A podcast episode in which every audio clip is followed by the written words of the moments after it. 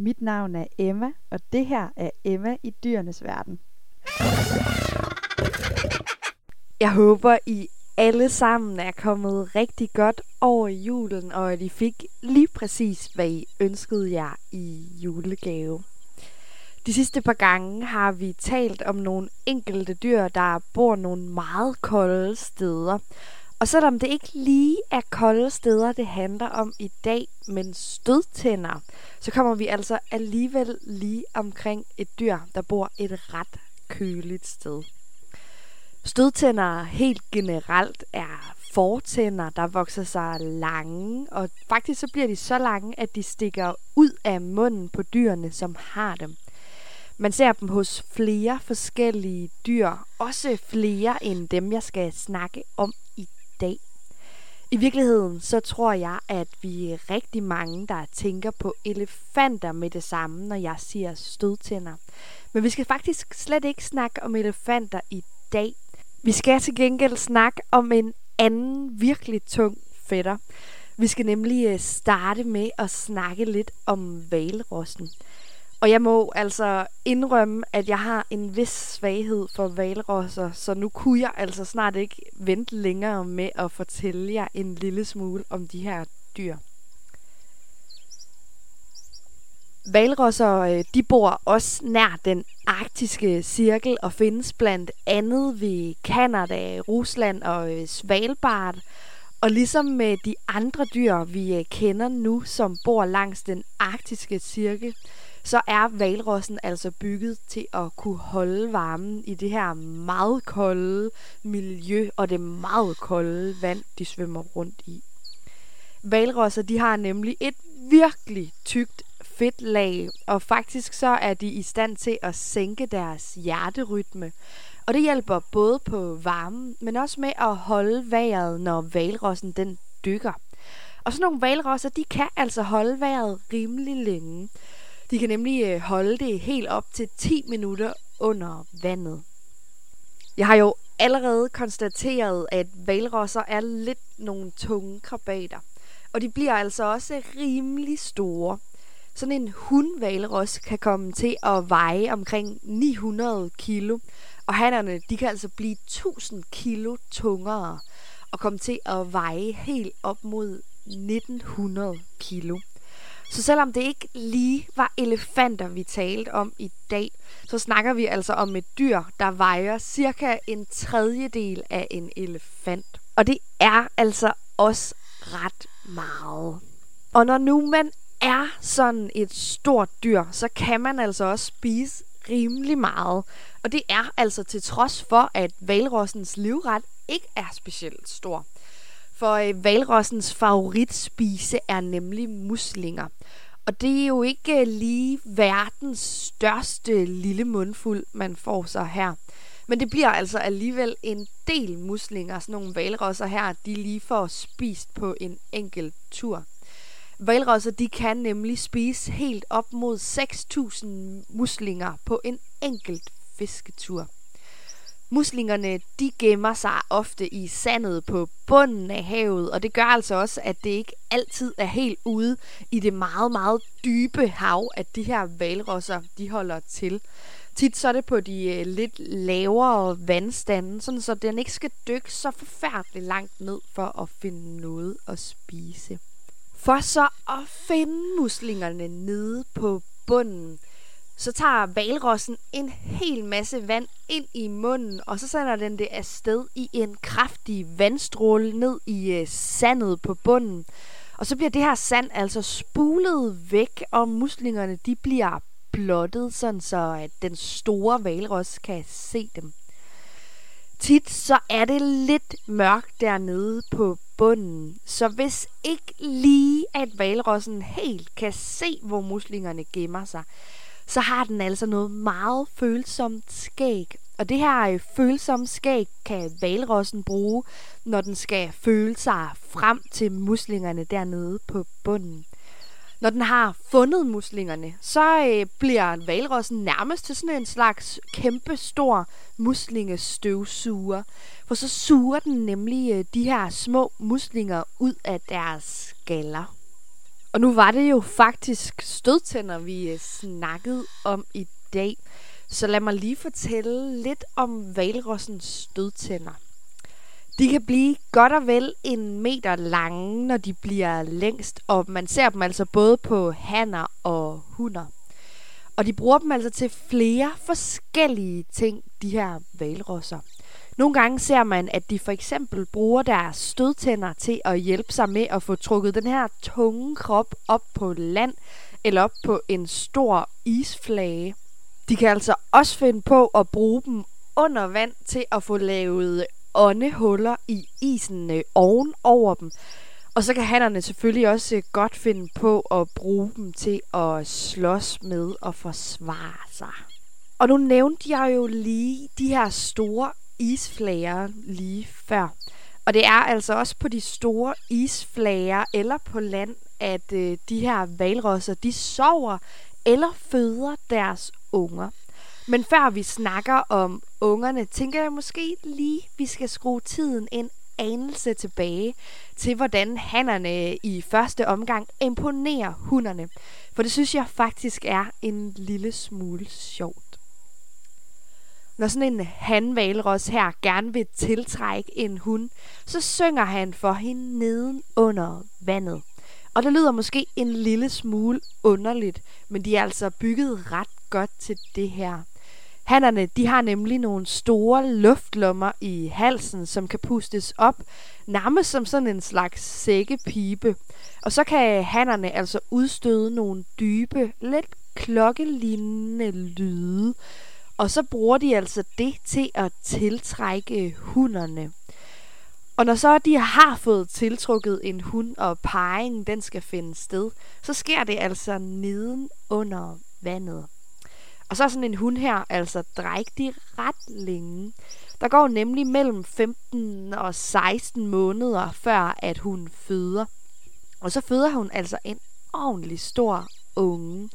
De her unger, de øh, plejer nemlig at veje mellem 50 og 75 kilo. Og der går altså ikke ret længe efter, at ungerne her er blevet født, før at moren hun svømmer afsted med ungen liggende op på ryggen. Og så opsøger hun altså andre hunder, som også har fået unger. Og de her øh, nybagte mødre, de laver nærmest sådan en slags lille mødregruppe, hvor de hjælper hinanden med at babysitte. Og hvis nu der er en lille bitte unge, der mister sin mor, så ser man altså, at nogle af de andre øh, mødre i de her mødregrupper, de adopterer den lille unge. Ungerne, de drikker øh, 10-15 liter mælk om dagen, og det her mælk, det er altså øh, lidt noget øh, fedt stas. Det er nemlig 10 gange federe end komælk.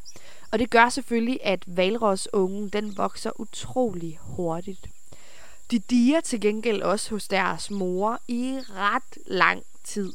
Sådan en valrosunge her, den diger nemlig øh, hos sin mor i to år. Men allerede efter et år begynder den altså også at spise muslinger. Generelt så synes jeg egentlig, at valroslyde, de er en lille smule sjove. Og det er altså en bred variation af lyde, dyrene her, de kan lave. Men jeg synes lige, at jeg øh, ville forkæle jeres øregange lidt med en af de øh, mærkelige lyde, som nogle valrosser her nogle gange laver.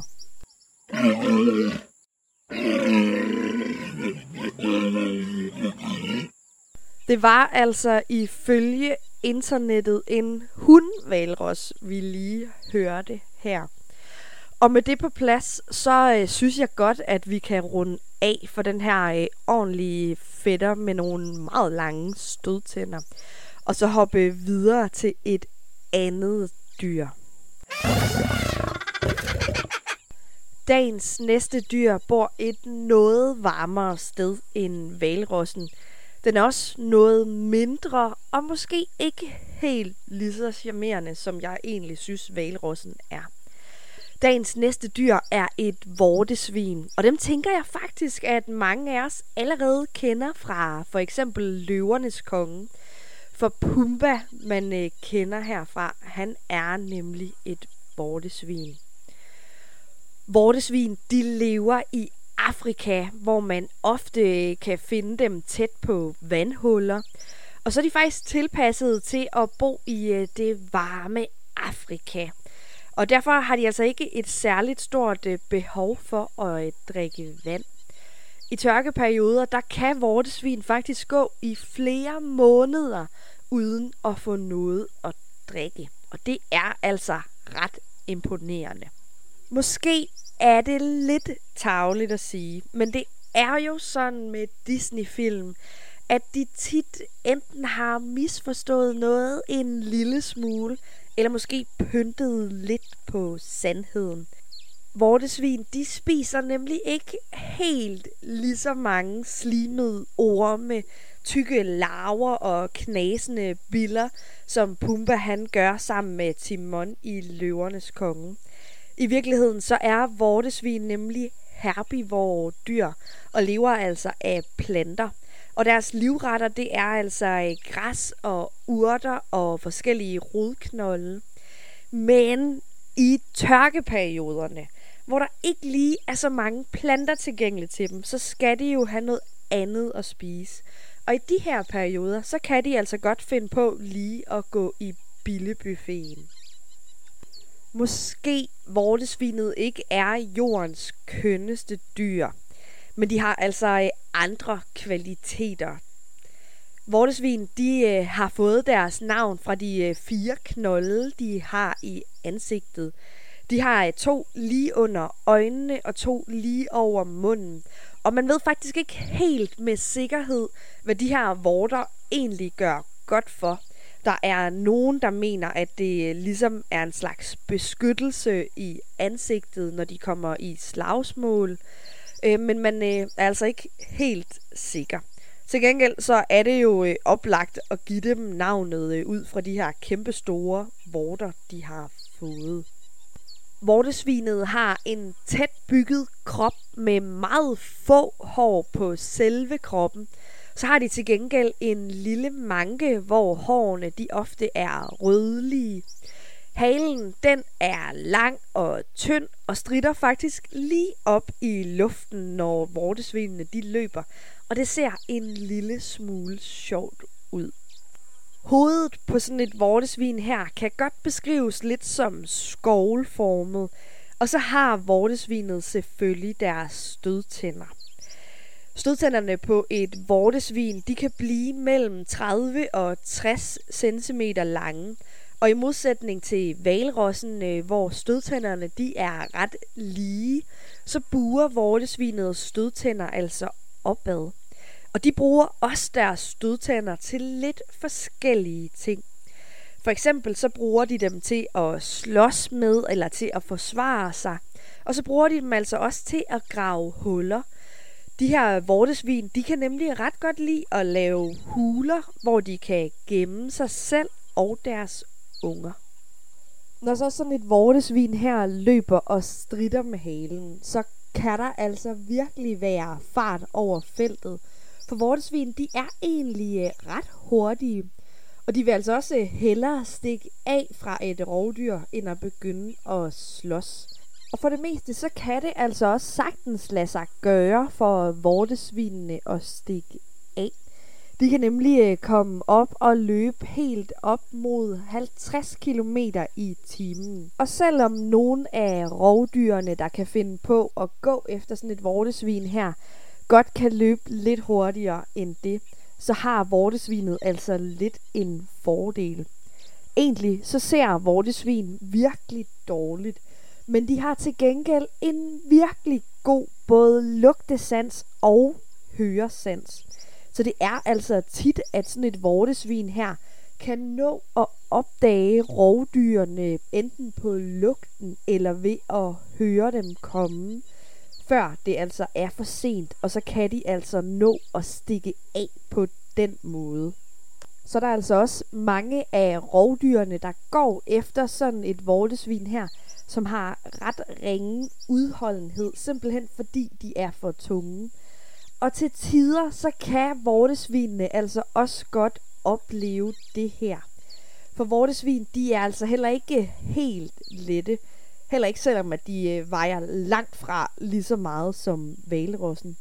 Vortesvin, de øh, vejer nemlig mellem 90 og 120 kilo. Og det er altså alligevel lidt en vægt at slæbe rundt på med de her små ben, som vortesvinet de har. Vortesvin holder sammen i familiegrupper, som består af hunder med unger. Hannerne de øh, kan nogle gange finde på at søge sammen i det, man kalder ungkælegrupper.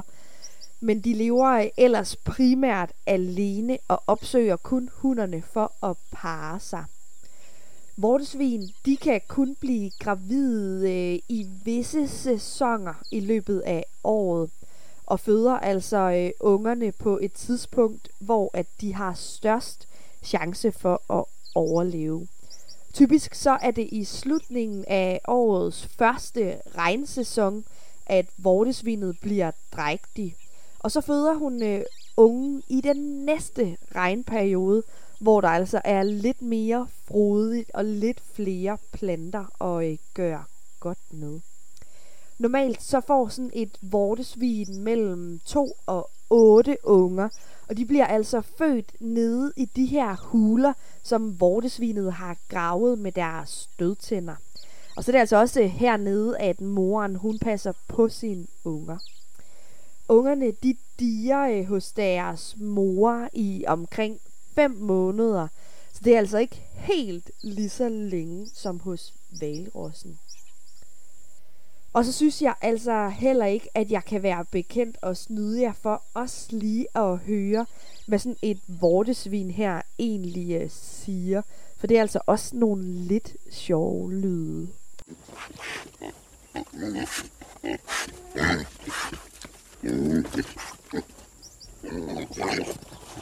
Og så er vi jo faktisk lige pludselig blevet klogere på uh, to dyr mere.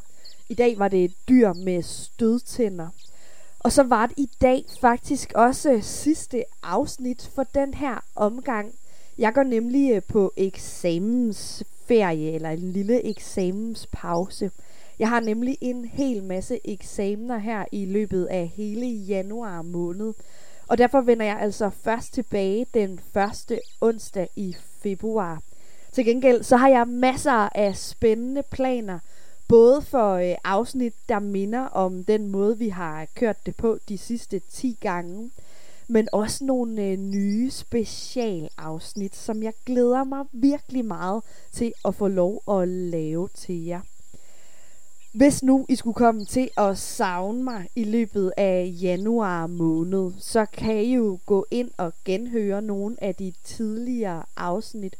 Og ellers så kan I altså øh, som sædvanligt følge med både på Facebook og på Instagram, hvor I øh, kan finde mig ved at søge på Emma i dyrenes verden. Jeg regner med, at jeg alligevel får lidt tid til at lave noget øh, sjov og spas til jer derinde. Ellers så vil jeg bare sige tusind tak for den her omgang, og så ses vi altså i februar måned til at blive klogere på endnu flere af verdens super mange spændende dyr.